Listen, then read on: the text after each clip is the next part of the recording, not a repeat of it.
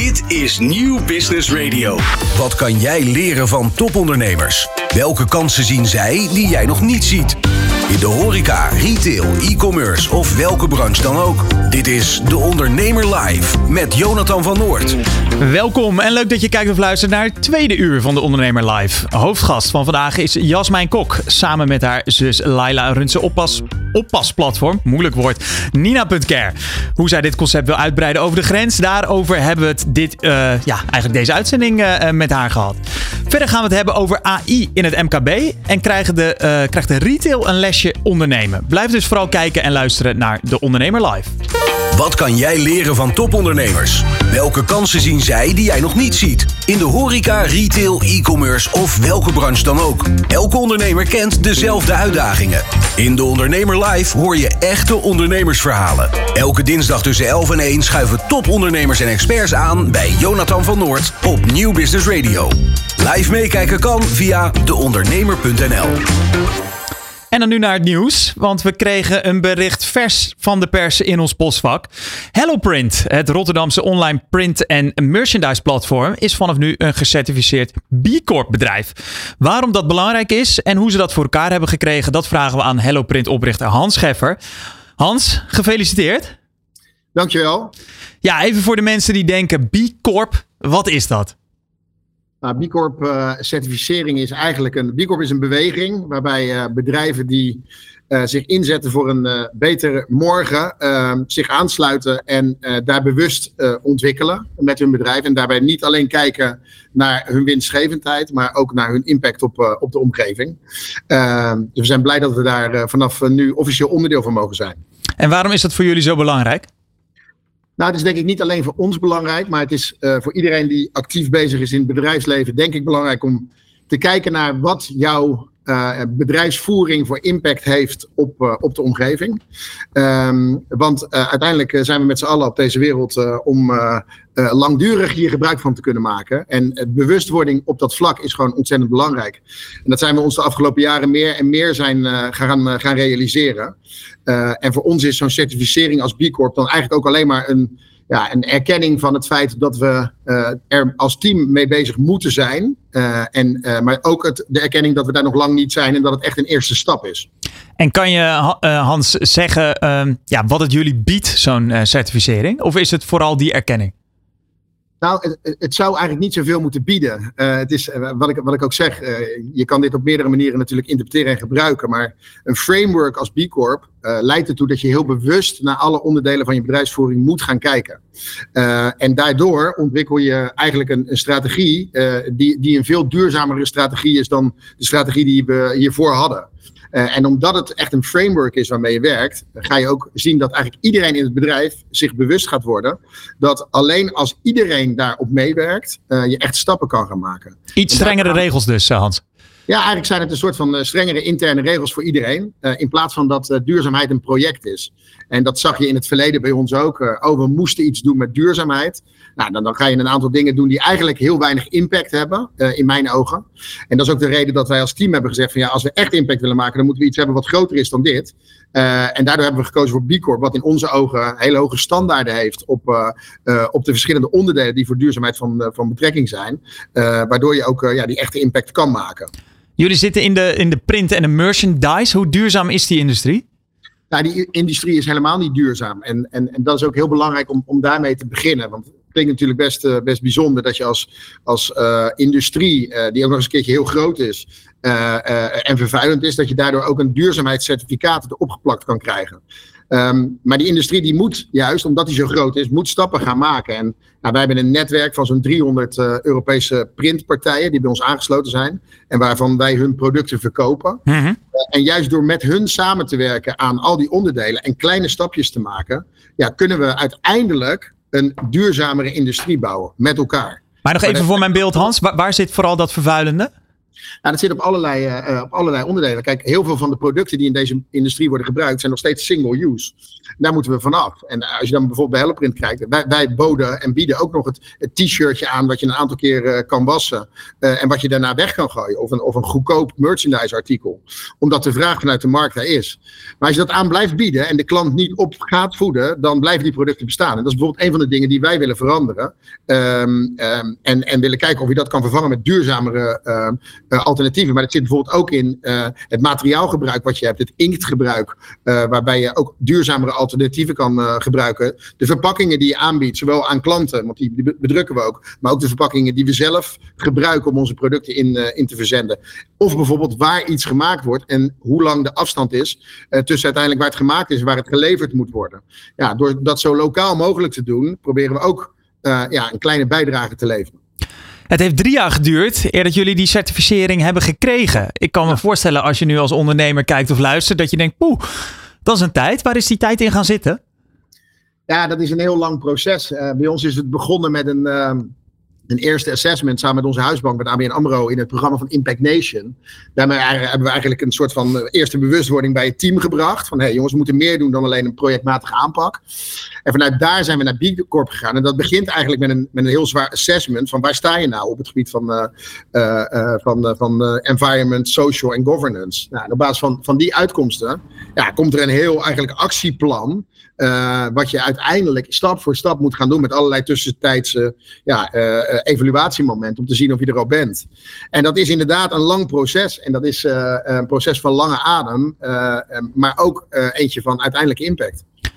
Ja, jullie geven ook in het, in het persbericht aan, en je zei het er net zelf ook al een beetje, dat je eigenlijk die hele keten wil verduurzamen. Hoe wordt daarop gereageerd van bijvoorbeeld leveranciers of klanten?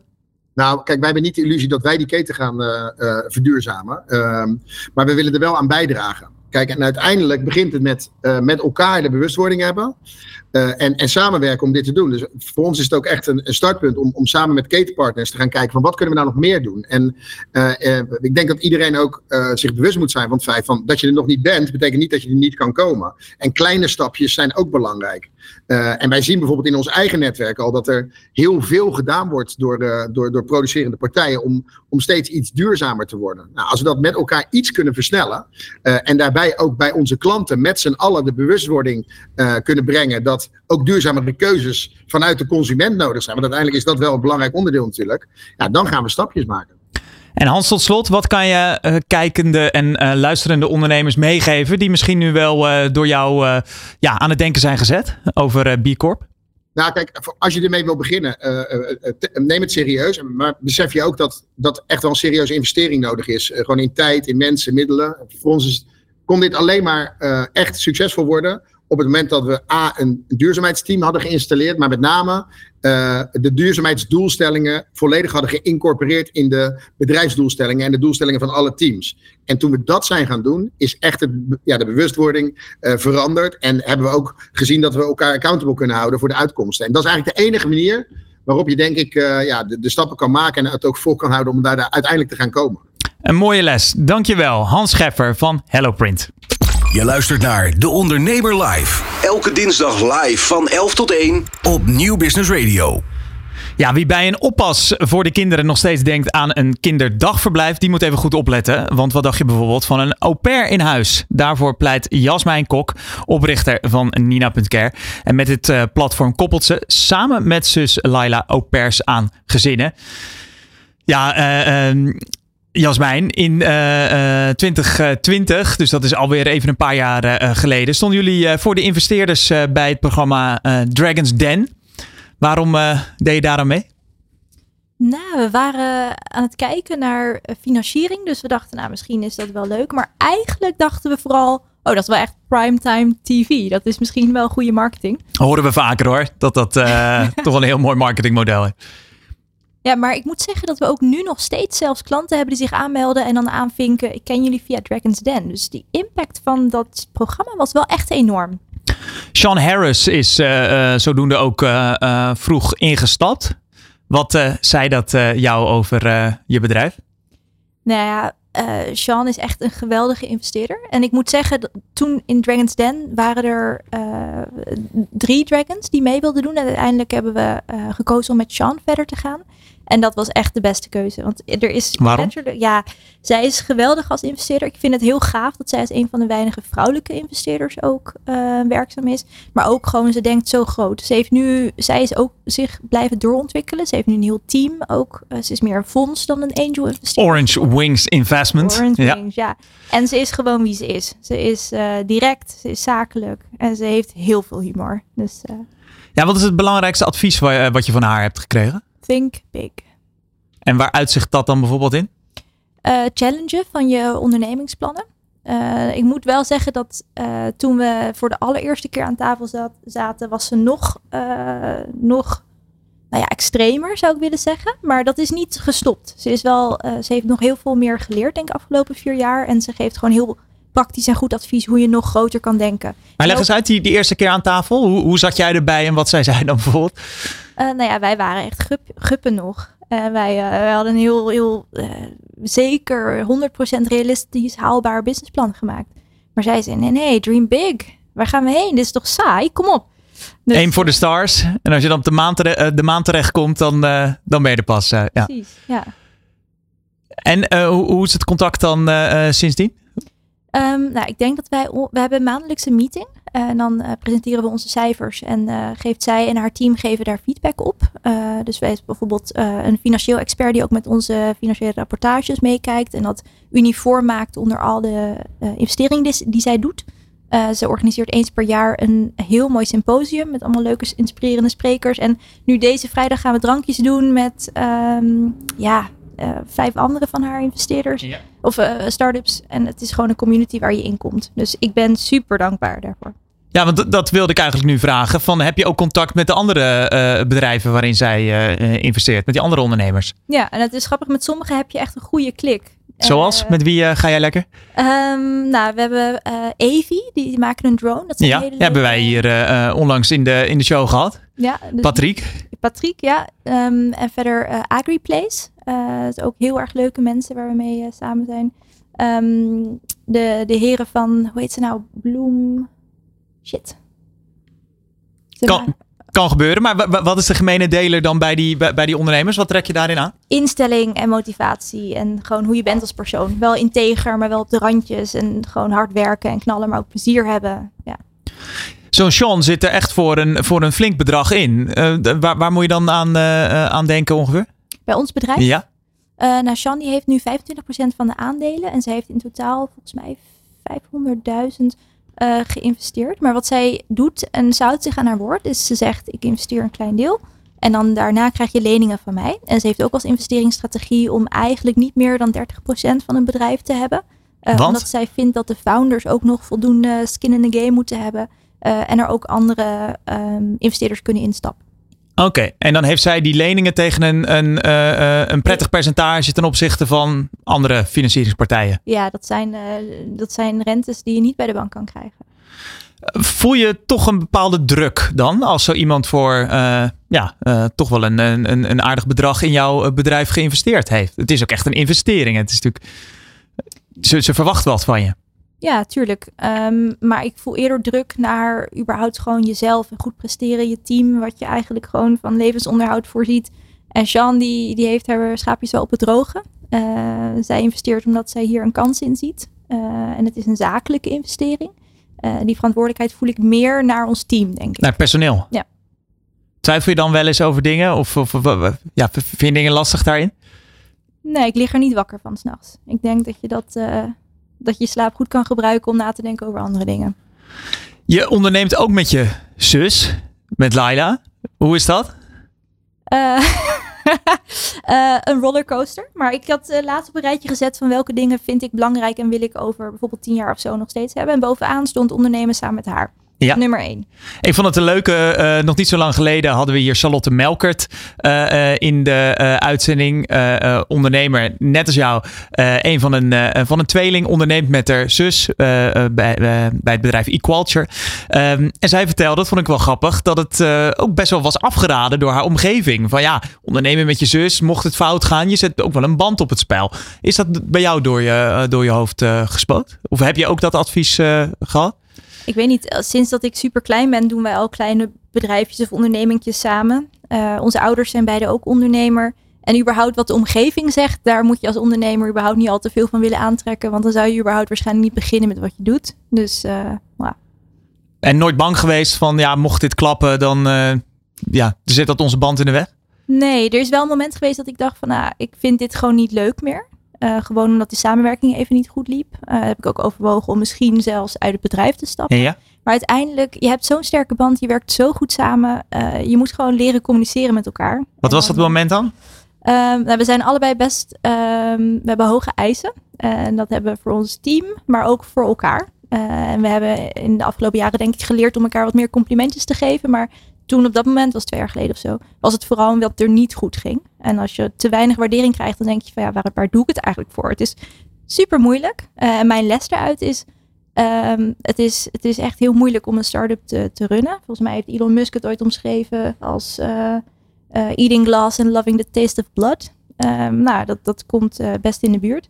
Dus dat moet je doen met mensen waarmee je het wilt doen. Waar je mee kan lachen als het zwaar is. en als je dat hebt, dan kom je heel ver. En is het dan misschien anders om met je zus te werken dan met een ander personeelslid? Omdat ja, je kan misschien al meer van elkaar hebben, dat je dan dus vergeet om een complimentje te geven? Ja, je hebt gewoon heel direct en harde uh, communicatie. Daar schrikken onze medewerkers ook soms een beetje van als ze ons nog niet zo lang kennen. Uh, want je laat gewoon alle beleefdheden gewoon weg. Ja, het is heel efficiënt. Als we even kijken naar jou als, uh, als leider, hè? Als, als, als leidende ondernemer. Wat, wat heb je geleerd in de, in de afgelopen jaren in je eigen bedrijf? Mm, empathie en geduld. En soms als je echt, uh, ik, ik ben vrij direct, Leila ook, uh, maar soms met andere, met andere mensen die heel anders in elkaar zitten, kan je door zelf wat energie te steken in je anders gedragen, veel sneller je doel bereiken dan uh, super direct te communiceren. En hoe ben je erachter gekomen dan? Trial and error. The hard way? ja. Heb je een voorbeeld van waar je nu anders mee omgaat dan, dan voorheen? Nou ja, gewoon alles wat met personeel te maken heeft, denk ik. En maar, maar de, hoe moet ik dat zien? Wat, uh... um, nou, als iemand bijvoorbeeld uh, bepaalde doelen niet haalt of werk niet, niet goed heeft, dan kan je proberen om te inspireren door te zeggen, nou, maar hoe geweldig zou het zijn als we dat kunnen halen dan en dan. Terwijl voorheen was ik meer van, luister, we hebben dit afgesproken. Ik snap gewoon niet dat het niet af is. Ja. Is dat anders? Dus eigenlijk veel inspirerender dan uh, ja, afzeikerig uh, op ja. die manier. Ja. Laatste vraag, uh, Jasmijn. Kun je ondernemen leren of ben je er een? Ik denk dat je er wel een bent. Leg uit. Nou, het is toch een soort um, vingerspitsengevoel wat je hebt. Um, je ziet ook uit, ze hebben onderzoek gedaan naar wat de succesvolste bedrijven waren. er was geen pijl te trekken qua opleiding of locatie of man of vrouw. Maar het was, had te maken met of je ouders ondernemers waren of niet. Omdat je toch opgroeit in een bepaalde manier van risico's nemen en bepaalde dingen. Ik denk dat je het misschien wel kan leren. Maar dan moet je daar wel, um, denk ik, bewust mee bezig zijn. En dat gaat een hoop tijd kosten, denk ik. Dan moet je het via de paplepel uh, uh, binnenkrijgen eigenlijk. Wat bij jullie is gebeurd dan. Ja, denk het. Mag ik je hartelijk danken. Jasmijn Kok van Nina.care. Leren van topondernemers. Kansen zien waar anderen overheen kijken. Dit is De Ondernemer Live. Het is al tijden het toverwoord in ondernemersland. AI, Artificial Intelligence. Denk aan teksten genereren via ChatGPT, afbeeldingen maken via Midjourney en sinds dit weekend kun je zelfs hele video's laten maken dankzij het tekst naar video model Sora. Maar ja, wat moet je er als ondernemer mee? Levert het je daadwerkelijk tijd op of kost het je vooral tijd? Is het een vloek of toch een zegen? Daarover ga ik het hebben met Homam Karimi, medeoprichter en CEO van online leerplatform StudyTube. Welkom, uh, Homam. Dankjewel. Ja, een, een collega van me, uh, daar zat ik gisteren mee te lunchen. En, uh, en die zei het uh, nog. Ik was op een verjaardag en van twee vijftigers hoorde ik zelfs alleen maar dingen over AI. Komt het jou bekend voor? Ja, heel erg. Het speelt heel erg in mijn omgeving. Ik ben softwareondernemer en ik denk dat je daar ehm, die SaaS-partijen en scale-ups, dat je daar eh, ziet dat, dat die industrieën best wel voorop lopen. En ook heel veel mogelijkheden zien. En eh, dus hebben we het ook veel met elkaar over. Over die mogelijkheden. Ja, maar zelfs buiten de, de ja, usual suspects, hè, als, als de tech-industrie. ehm, eh, ja, de- de- het lijkt wel alsof iedereen nu met AI bezig is. Ik denk ook wel terecht. Ik denk dat dit voor veel mensen. Ik, ik, ik weet nog wel dat ik voor het eerst ChatGPT zag. Ik denk dat dat een jaar geleden was. En eh, voor mij was het alsof ik eh, hetzelfde moment als voor, het internet voor het eerst ontdekte. Het was echt zo'n aha-moment. Ik dacht, wauw, als dit mogelijk is en dit is nu al mogelijk. En ook als je kijkt hoe snel het allemaal is gegaan. Dan denk ik dat dit eh, ja, net zoiets groots is als de industriële revolutie. Dat het echt, echt impact maakt op de mensheid. En dat we daar wel rekening mee moeten gaan houden. Ja, ik vond eh, de, eh, vooral eh, Sora, dus dat, dat tekst naar video model. Dat is afgelopen weekend uitgekomen. Dus je typt in, ik wil twee smurfen op een, Ja. op een surfplank. En je ziet gewoon echt direct alsof het uit, een, uit een studio gemaakt wordt. Het is, het is heel indrukwekkend. Maar wat misschien nog, sorry dat ik je onderbreek, maar wat misschien nog wel indrukwekkender is, is wat we drie maanden geleden hadden. Dat er toen nog van die Will Smith filmpjes circuleerden met vierkante hoofden, Ja. een soort van alienachtige hoofdjes.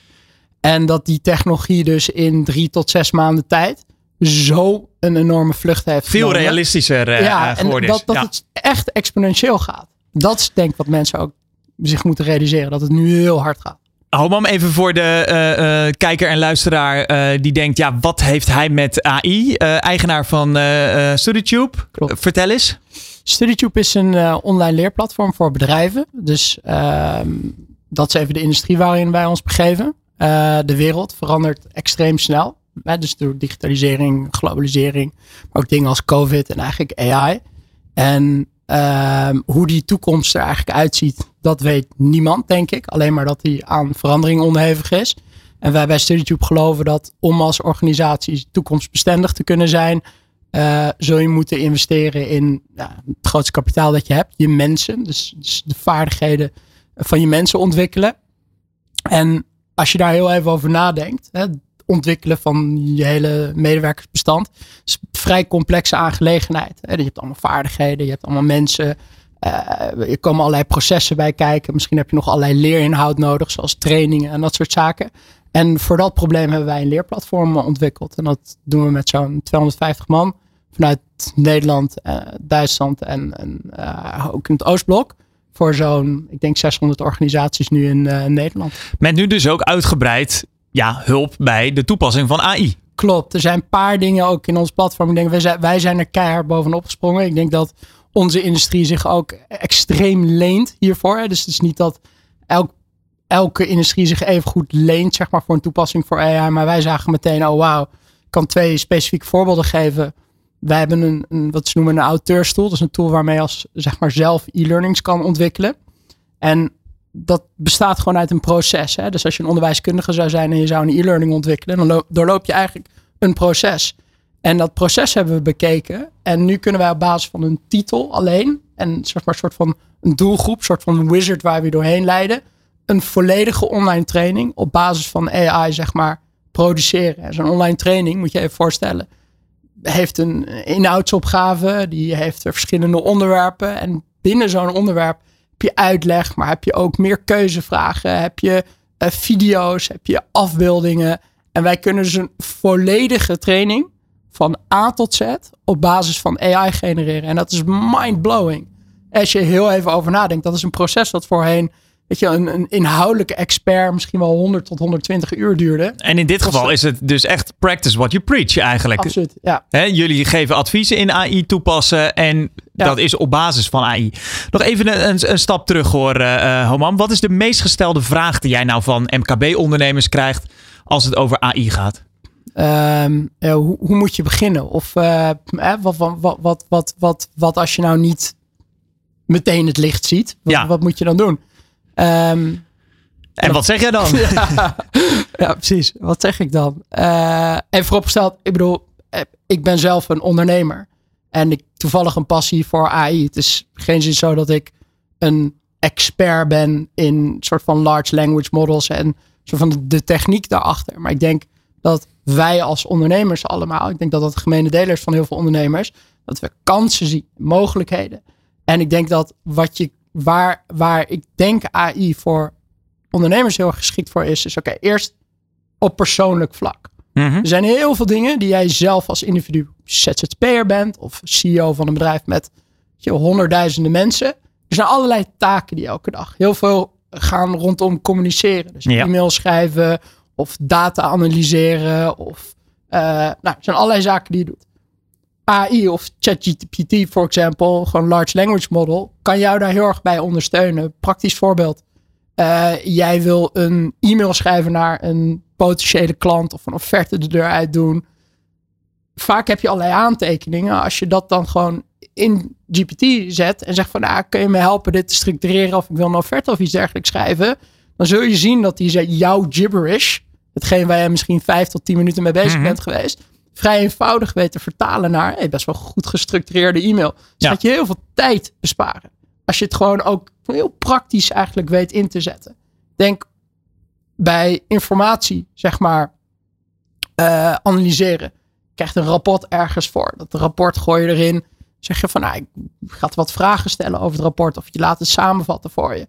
Dus ik denk, daar is het heel goed voor. Of brainstormen. Mhm. Dus denk, je bent bezig met het maken van je strategie. Again, of je nou een bedrijf bent met twee medewerkers of met 10.000.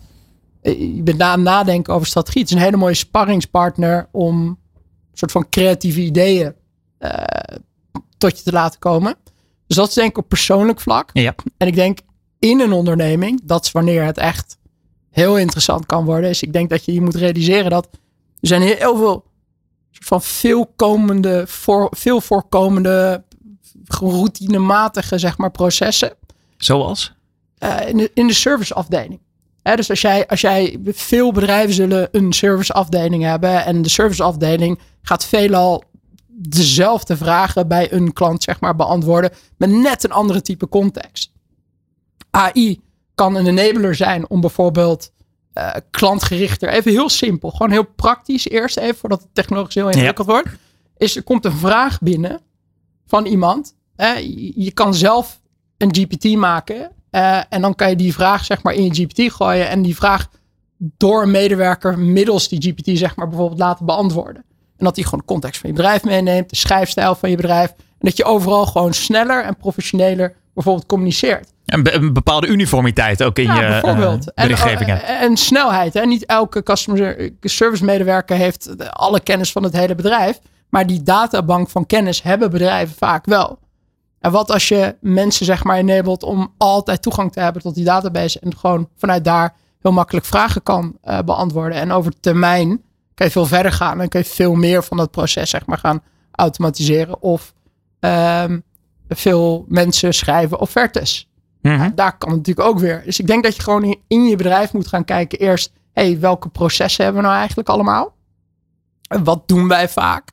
Welke verschillende groepen hebben we in de organisatie? Wat wij zelf bij StudyTube hebben gedaan, voor mij was het heel belangrijk. Eh, ik wilde wat we noemen AI literacy eigenlijk eh, ontwikkelen.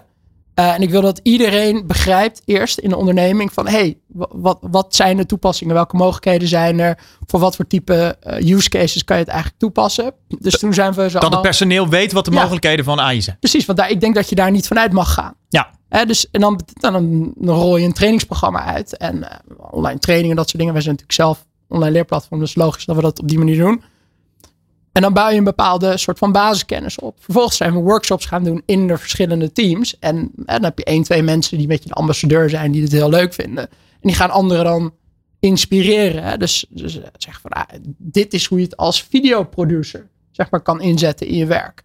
Dit is hoe je het als copywriter kan inzetten in je werk. Dit is hoe je het als accountmanager kan inzetten in je werk. En zo eigenlijk één voor één eigenlijk alle functies in je organisatie langslopen. En, en dan mensen empoweren om, ja, ik denk efficiëntie is gewoon wel een, een ding. En dan als tweede, ik denk dit, dit soort van zijn hygiënefactoren. Ik denk dat heel veel ondernemingen hier nu mee bezig zijn. Ja. En dat betekent dat je straks met minder mensen veel meer kan doen. Nou, dat komt natuurlijk gewoon je winstgevendheid eh, ten goede. Of eh, je kan in andere gebieden gaan investeren. Dus dat maakt je ook competitiever als onderneming. En dan, ik denk, het tweede is, is dat je, wat wij bijvoorbeeld ook hebben gedaan, dat je kan nadenken over nieuwe producten en diensten die voorheen misschien niet haalbaar waren. Hè, dus twee producten die wij zeg maar uitgerold hebben. Eén is die eh, AI auteurstoel, die waanzinnig veel tijd bespaart. Hè. Dus Ja. je kan er een kinderdagverblijf bijvoorbeeld eh, als klant. En die hadden een, vind ik wel, dat vind ik een heel leuk voorbeeld, geef ik vaak. Die hadden een ehm, beleidsnota geschreven van oké, hoe moet je er eh, mee omgaan als pedagogisch medewerker op zo'n groep als een van de kindjes in de groep eh, te maken krijgt met bijvoorbeeld overlijden. Vader, moeder, opa, oma, eh, hond. Ja. Gewoon voor het eerst eigenlijk te maken heeft met een soort van Met de dood. met de dood. Nou, daar hebben ze dan een beleid voor. Dat is uitgeschreven. Dat beleid hebben ze in onze auteurstoel gegooid. En op basis van dat beleid is er een training uitgekomen. En dat soort type toepassingen, dat was voordat deze large language models er waren, was de use case hetzelfde. Dus alleen het kostte 100 tot 120 uur. Want dan moest jij een aparte trainer daarop zetten die daar een module uitmaakte. Ja, je moet het vertalen. Hè? Dus je hebt een beleid en dat zijn veelal regels en dat zijn richtlijnen. Dat is geen training. Dat Nee. is niet een introductie, videoscript, eh, noem maar op, vragen om te toetsen of je het wel hebt begrepen.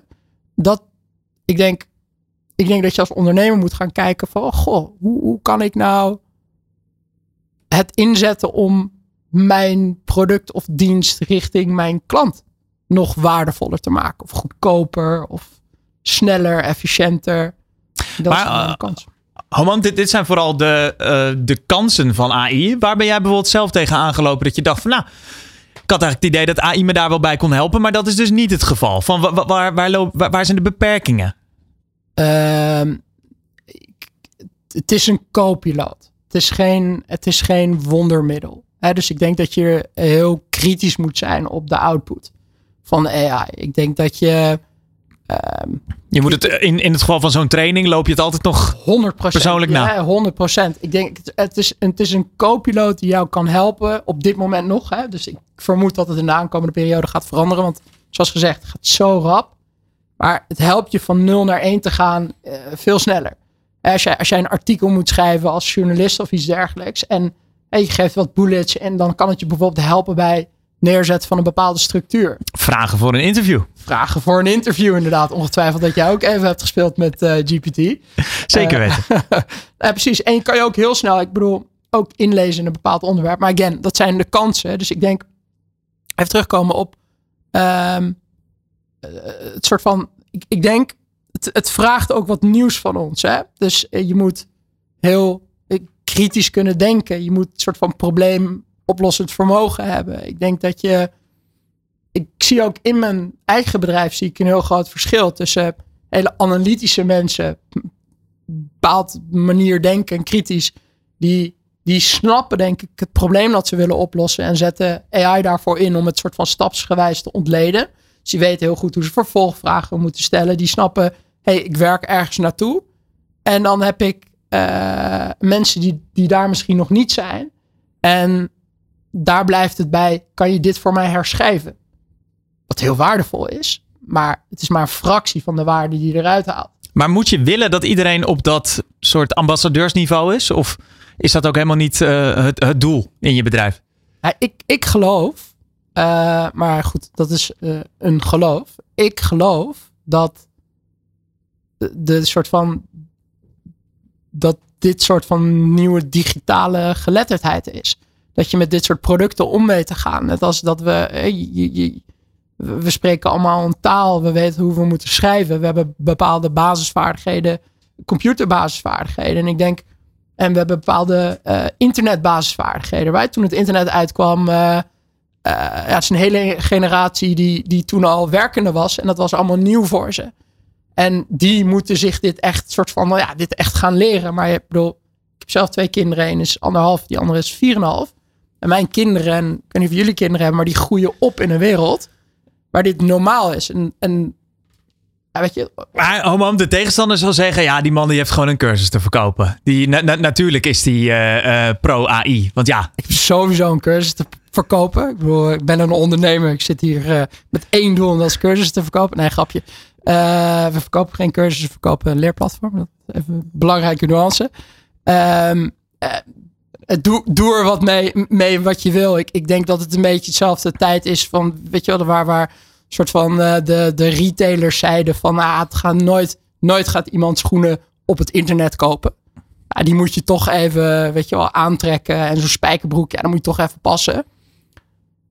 Ja, en, en er zijn uh, toch een aantal partijen die daar vreselijk de boot hebben gemist, zullen we en, zeggen. En, en, zie waar we nu staan. Uh, heb, heb jij voorbeelden van, uh, van bedrijven buiten jezelf om waar je van zegt van nou, die hebben AI in een, in een leuk tempo opgepakt en zijn er ook echt succesvol in? goeie vraag eigenlijk. Um... Of nou ja, waar, waar zie jij dan kansen voor hè, een MKB-ondernemer die, die nu luistert?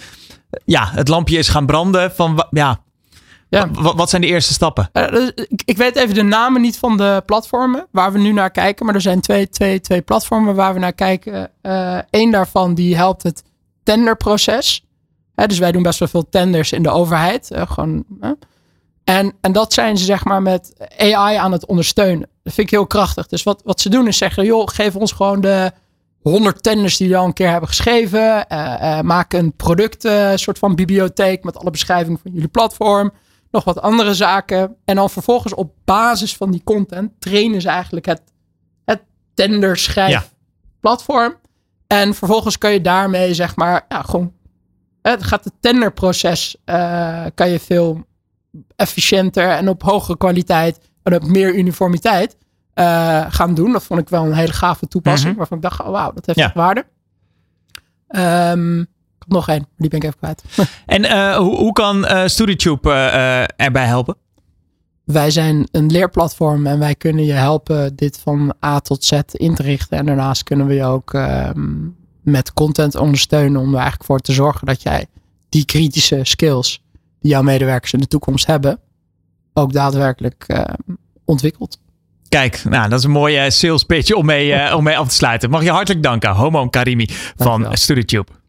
Dit is De Ondernemer Live op Nieuw Business Radio met Jonathan van Noord. Het rommelt in de winkelstraat. Veel winkeliers hebben te maken met teruglopende verkopen, omdat ze bijvoorbeeld uh, niet zijn overgestapt op online. Daarna stijgen de huren en nemen de kosten toe. Er moet dus wat gebeuren. Maar ja, dat gebeurt heel vaak niet. Dat is de conclusie van geldstroom-expert uh, Janine van Vliet. De eigenaar van financieel bureau uh, Koken met Cijfers stelt zelfs dat sitting duck gedrag de oorzaak is van de vele faillissementen in de retail. Ja, hoe komen winkel, uh, winkeliers hier uit? Daarover ga ik het hebben met Janine. Welkom. Dankjewel, dankjewel voor de uitnodiging Jonathan. Um, ja, als jij door een winkelstraat loopt en je spreekt met ondernemers, wat valt je dan op? Uh, dat er veel onrust is uh, uh, onder ondernemers. Uh, dat ze soms niet weten van waar ze het moeten zoeken. Dat ze hun winsten zien verdampen. Ehm, Praten zij met elkaar daarover? is jouw gevoel dat wel? Ja, absoluut. absoluut. Ehm, en ze zijn ook zoekende hè, van ja, wat, wat kan ik nou helemaal nog? ik zie mijn huren stijgen. De inkopen, inkoopkosten gaan omhoog. De lonen schieten omhoog. Dat is vaak iets waar ze geen invloed op, uh, op hebben. Hè? Ja, een giftige cocktail heb ik hem hier ook staan. Hè? Huur, kosten, ja. personeel. Ja. Überhaupt personeel krijgen. Ja, ook moeilijk. lijkt me lastig. Ja. Ja, absoluut, absoluut lastig. Maar niet onmogelijk, denk ik, uh, uh, om, om zelf kritisch te blijven kijken naar je eigen bedrijf. En dat is waar ik het vaak mis, mis zie gaan. Is dat vooral ja, winkeliers, maar je kunt het nog wel ietsjes breder trekken dan dat. Hè? Vooral hardwerkende ondernemers uh, in de horeca, in de bouw. Dat zijn vaak ondernemers die heel erg druk zijn in hun bedrijf. Dus vaak uh, veel uren maken, in hun bedrijf aan het werk zijn, in de winkel staan. Maar weinig tijd over hebben om echt strategisch na te denken. Dat noemen we ook wel aan hun bedrijf ja. werken. Ja, dan uh, stel je eigenlijk mijn tweede vraag. Uh, oh. Wat is het grootste probleem waar die winkeliers dus mee te maken krijgen? Ja, dat ze dus veel te weinig tijd besteden aan ondernemer zijn. Ja, je hebt als ondernemer je eigenlijk twee, uh, twee, twee functies, hè, twee banen. De ene is van expert, dat doen waar je heel erg goed in bent. En de ander, dat is uh, ondernemer zijn. Hè? Hoe zorg je dat je producten aan de man krijgt? Hoe zorg je dat je een goed bedrijf uh, draait? Um, die twee dingen zijn belangrijk. En dat gebeurt niet tijdens winkeluren. Dat moet echt wel daarna. Hoe kan het dat dat vergeten wordt? Wordt het überhaupt vergeten of uh, wordt het weggestopt? Dat kan ja. natuurlijk ook. Tijd, tijd is vaak een, uh, vaak een groot issue. Ehm, eh, vooral als je te maken hebt met openingsuren of je moet naar een klus toe, dan ben je van s morgens vroeg tot s avonds laat ben je aan het werk. Uh, dus dan is er niet zo heel veel ruimte meer over om, uh, om ook met het ondernemerschap bezig te zijn. En, maar juist dat is juist heel belangrijk om daar tijd voor te maken. Dus wat je ziet is dat deze ondernemers heel vaak brandjes aan het blussen zijn. Hè? Dus de dingen die nu urgent en belangrijk zijn, die pakken we dan nu op. en daarbij blijft het ondernemen, het op de lange termijn kijken, het wat wel belangrijk is, maar misschien niet zo urgent, dat blijft vaak, uh, blijft vaak liggen. Waar uitzicht dat in? In dat, uh, ja, dat het blijft liggen? Dat het vooral rennen is. Ondernemers zijn heel erg druk. Um, rennen met, ja, ik loop van het ene probleem naar het andere probleem en ik kan het eigenlijk niet structureel oplossen. Um, en juist door even een paar stappen terug te zetten. Ik zeg af en toe wel eens met je benen omhoog gaan zitten. Ga maar eens even op een stoel zitten met je benen omhoog. Ga maar eens even rustig nadenken over. Ja, waar wil je nu eigenlijk naartoe? Maar ja, die ondernemer zegt dan daar heb ik helemaal geen tijd ja, voor. Exact. Want mijn, ja. uh, uh, ja. de, de, de dame die bij mij in de winkel staat, uh, die heeft zich ziek gemeld. Dus nu moet ik daar staan op zaterdagochtend. dat is de grote uitdaging die er is. En toch zul je dat wel moeten managen. Wil je voor de toekomst verder uiteindelijk kunnen, kunnen gaan. en uh, dat begint maar vaak meestal, wat ik, wat ik zie in mijn eigen praktijk, is dat, dat uh, 95% van de ondernemers die ik zie of spreek, die maakt niet eens een begroting voor het komende jaar. Dus, dus 2024 is net begonnen. Uh, en ze hebben eigenlijk geen idee van, ja, wat ga ik eigenlijk doen het komende jaar? Hoeveel wil ik gaan verdienen? Wat zijn mijn kosten? Hoeveel moet ik gaan omzetten? Als je dat al niet hebt, dan is het heel moeilijk om een koers te gaan varen. 95%? Ja. Dus 95% van, van die retailers, winkeliers, maar ook uh, horeca ja. uh, bedrijven, ja. die weten dus eigenlijk niet goed. Ja. Zoveel neemt mijn huur toe, zoveel nemen mijn personeelskosten toe. Ja, ze voelen het, zien het wel natuurlijk op die bankrekening. Want die bankrekening, dat is vaak waar ondernemers naar kijken. Hè? Maar uh, weten niet van, ah, dan moet ik zoveel broeken meer verkopen nee. of zoveel biertjes meer nee. tappen. Nee, Nee, dat is dus wel waar ik ze dan mee help. Ja. Dus als ze bij mij komen, dan, uh, dan, dan beginnen we er. Ja, uiteindelijk beginnen ja. we daarmee. Hè? Van, laten we maar eerst even kijken wat is realistisch en haalbaar voor het komende jaar om aan te gaan werken. Maar, jij, maar nog heel veel stap terug. Jij noemt dat die sitting duck strategie. Ja. Het is een beetje een triest beeld van een, een, een, een eentje wat klaar zit eigenlijk om door, uh, door het jachtgeweer afgeschoten te worden. Ja, klopt. Ja, ja. wachten. En um, uh, ja, je kunt heel erg druk zijn met um, uh, oorzaken of problemen waar je weinig invloed op hebt. Hè? Ja, het is heel vervelend. Ik vind het ook vervelend, die personeelskosten stijgen. Je niet altijd heel veel invloed op. Uh, huisvestingskosten stijgen. Ja, die ja. huren die gaan ook niet naar beneden. Nou in ja, geval. ja uh, bij huurcontracten, als die eindigen, kun je, natuurlijk, ja. uh, kun je natuurlijk gaan onderhandelen. Maar in de lopende huurtermijn kun je daar, kun je daar niet zo heel erg veel mee. Uh, als je daar heel veel energie aan verliest, uh, dat, is, dat is zonde van de tijd. Dat is ook verloren tijd mm -hmm. natuurlijk, die je veel beter aan iets anders kan, uh, kan gebruiken. En dan ondernemers, hè, die komen bij jou, uh, die kloppen bij jou aan. Uh, jij, jij hebt een adviesbureau uh, die vooral let op, op de centen. Welke vraag krijg jij dan van die ondernemers? De meeste ondernemers willen allemaal inzicht in hun bedrijf, inzicht in hun cijfers. Dat is in de basis waar ze bij mij uh, mee binnenkomen, omdat ze eigenlijk aangeven, ja, ik, ik weet niet zo goed waar ik moet beginnen. Maar uh, ze hebben bijvoorbeeld ook een boekhouder, toch? Zeker, ja. ja.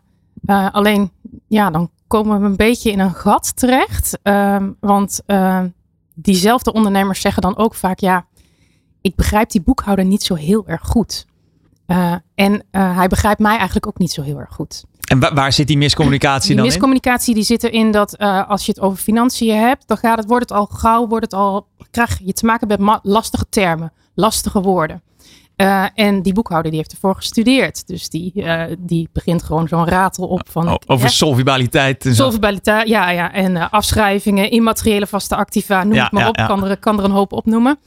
Alleen die ondernemer, die is er niet voor naar school geweest. Um, en die kent die termen allemaal niet dan zit diegene tegenover die boekhouder of die accountant.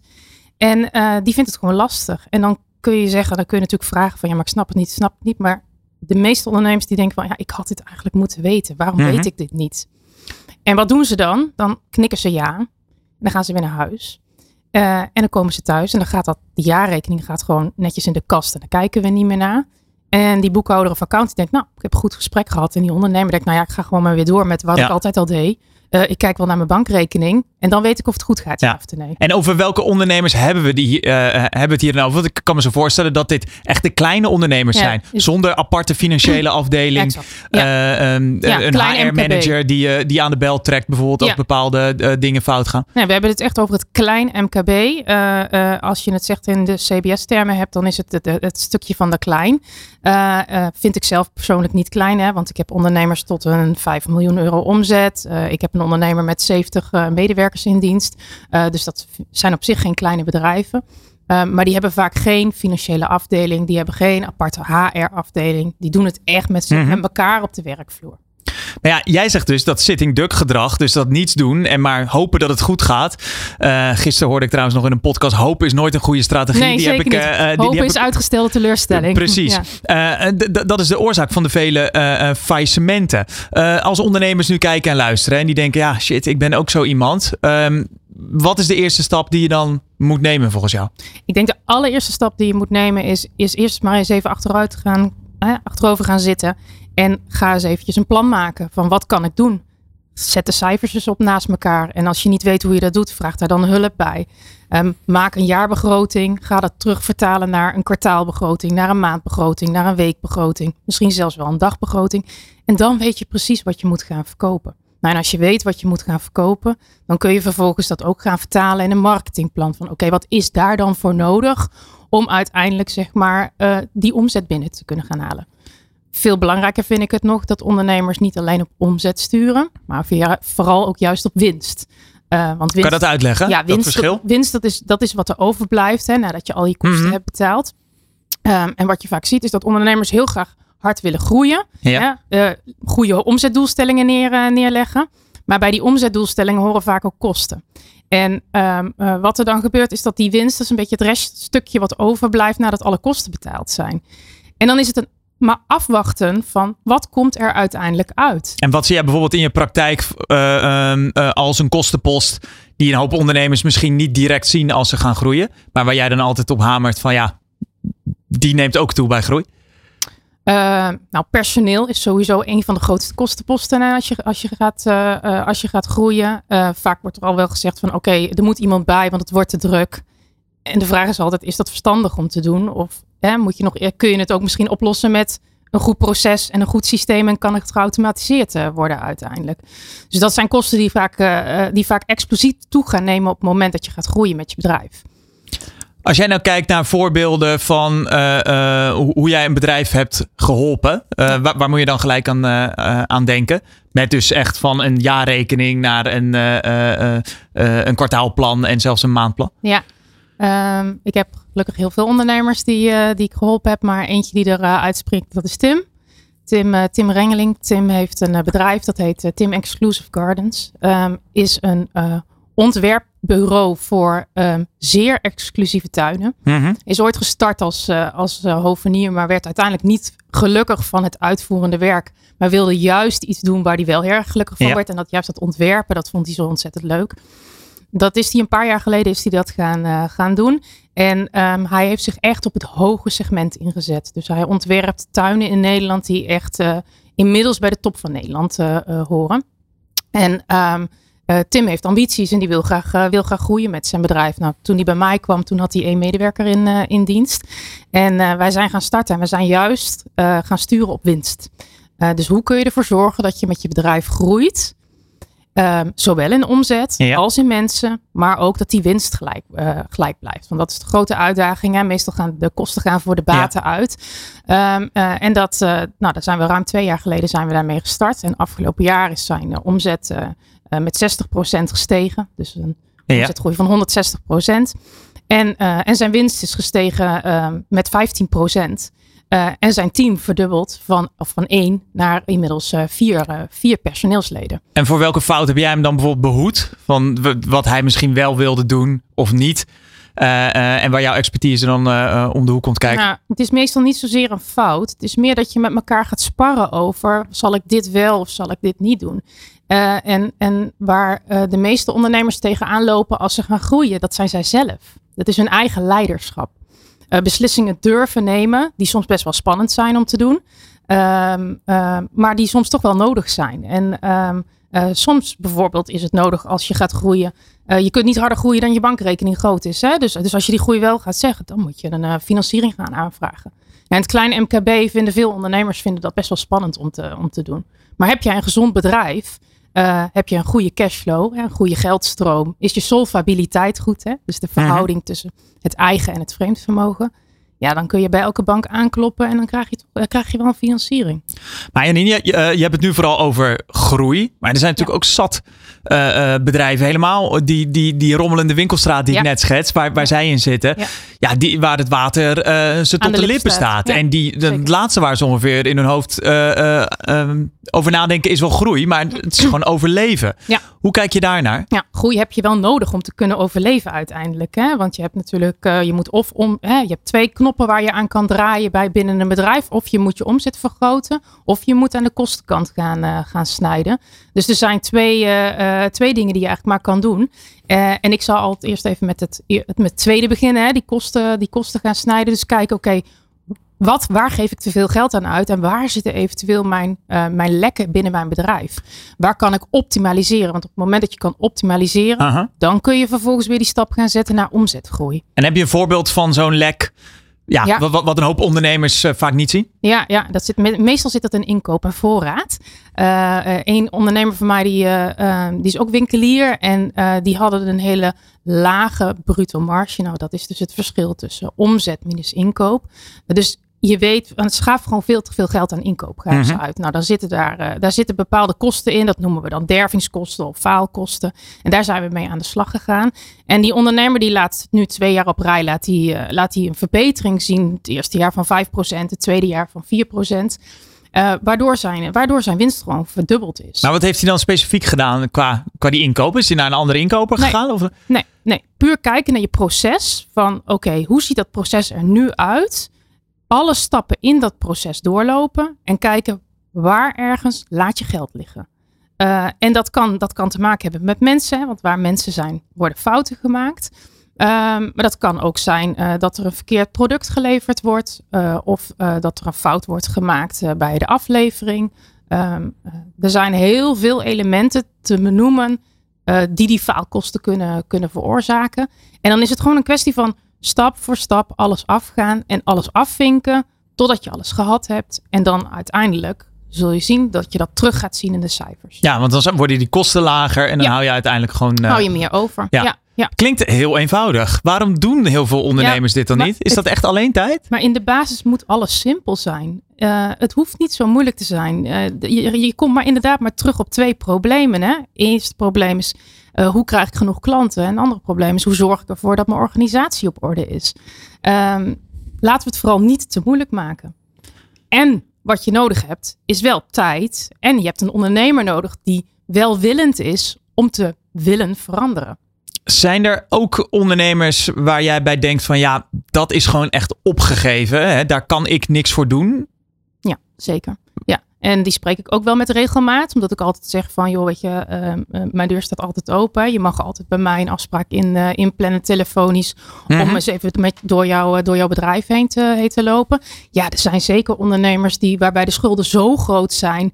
Waar, daar kan je van alles gaan proberen. Maar dan moet je van zulke goede huizen komen om dat te kunnen veranderen. Dat ik soms ook gewoon heel eerlijk zeg Um, misschien is het beter om te stoppen. Maar wat valt je dan op in die bedrijfsvoering? Zit, er daar, zit, zit daar een soort rode draad in uh, uh, waar andere ondernemers van kunnen leren? Die misschien nu wel luisteren of kijken en dan denken, ja, ik, ik ben ook zo'n zo'n ondernemer. Ja, um, als je winstgevendheid te laag is, dus dat betekent als er meer geld uitgaat dan wat er binnenkomt, dan ben je automatisch mm -hmm. ben je verliesgevend, heb je altijd betalingsproblemen. Ja. Um, uh, op een gegeven moment, als de schulden zo hoog zijn, hè, bij leveranciers bijvoorbeeld, dat ze met leveranciersstops dreigen te, dreigen te komen, dan weet je eigenlijk ook wel, oké, okay, hier is ook wel uh, stond aan de knikker. Um, uh, maar het grootste signaal is die ondernemer. Die denkt, ik wacht wel op betere tijden. Maar dan weet je, ja, die gaat, dat gaat niet komen. Er gaan geen nee. betere tijden gaan nee. komen. Die tijden zul je zelf moeten gaan creëren. En, en dan, dan kan ik ook alleen maar zeggen van, ja, weet je, ik, er moet een bepaalde basis van continuïteit zijn om, om die ondernemer te kunnen helpen. En gelukkig zijn er ook instanties in Nederland, eh, zoals het IMK of een Overrood, uh, waar ik, of een gemeente ook, hè, dat doe ik ook wel vaak, waar ik dan ondernemers naartoe verwijs van, nou, ik denk dat dit even de betere poort is om naartoe te gaan. Klinkt ook wel een beetje, uh, om af te sluiten, als, alsof er soort wel wat, wat, wat meer lessen in ondernemen zal moeten komen. Absoluut, ja. Ik, ik het is niet alleen maar beginnen en zien waar het schip staat. Nee, en dat is misschien ook wel waar het een beetje, nou ja, waar het een andere wending heeft genomen. Je had zeg maar voor 2000 had je nog de verplichte, het verplichte ondernemersdiploma, het middenstandsdiploma. En als, als ik kijk zeg maar, naar mijn klanten die nu, hè, ik heb klanten die richting eind 50, begin 60 zijn, die hebben allemaal dat diploma nog gehaald. Je ziet dat die vaardigheden en die kennis veel groter is dan de, uh, de ondernemers van een wat latere generatie. Uh, dus ik pleit er absoluut voor om zeker de kennis van het ondernemerschap, maar ook benadruk ik ook de kennis van financiën, om dat te gaan vergroten. Want daarmee maak je al zo'n groot verschil. En anders kunnen ze altijd nog uh, bij jou aankloppen. Ze mogen altijd bij mij. Dankjewel, uh, Janine van Vliet van uh, Koken met Cijfers. Je luistert naar De Ondernemer Live. Elke dinsdag live van 11 tot 1 met Jonathan van Noord op Nieuw Business Radio. Dat was hem alweer. Twee uur lang de Ondernemer Live. Dankjewel voor het kijken of luisteren. Volgende week zijn we terug tussen 11 en 1 met nieuwe gasten in een nieuwe show. Mijn naam is Jonathan van Noord en dit was de Ondernemer Live. Wat kan jij leren van topondernemers? Welke kansen zien zij die jij nog niet ziet? In de horeca, retail, e-commerce of welke branche dan ook. Elke ondernemer kent dezelfde uitdagingen. In de Ondernemer Live hoor je echte ondernemersverhalen. Elke dinsdag tussen 11 en 1 schuiven topondernemers en experts aan bij Jonathan van Noord op Nieuw Business Radio. Live meekijken kan via deondernemer.nl.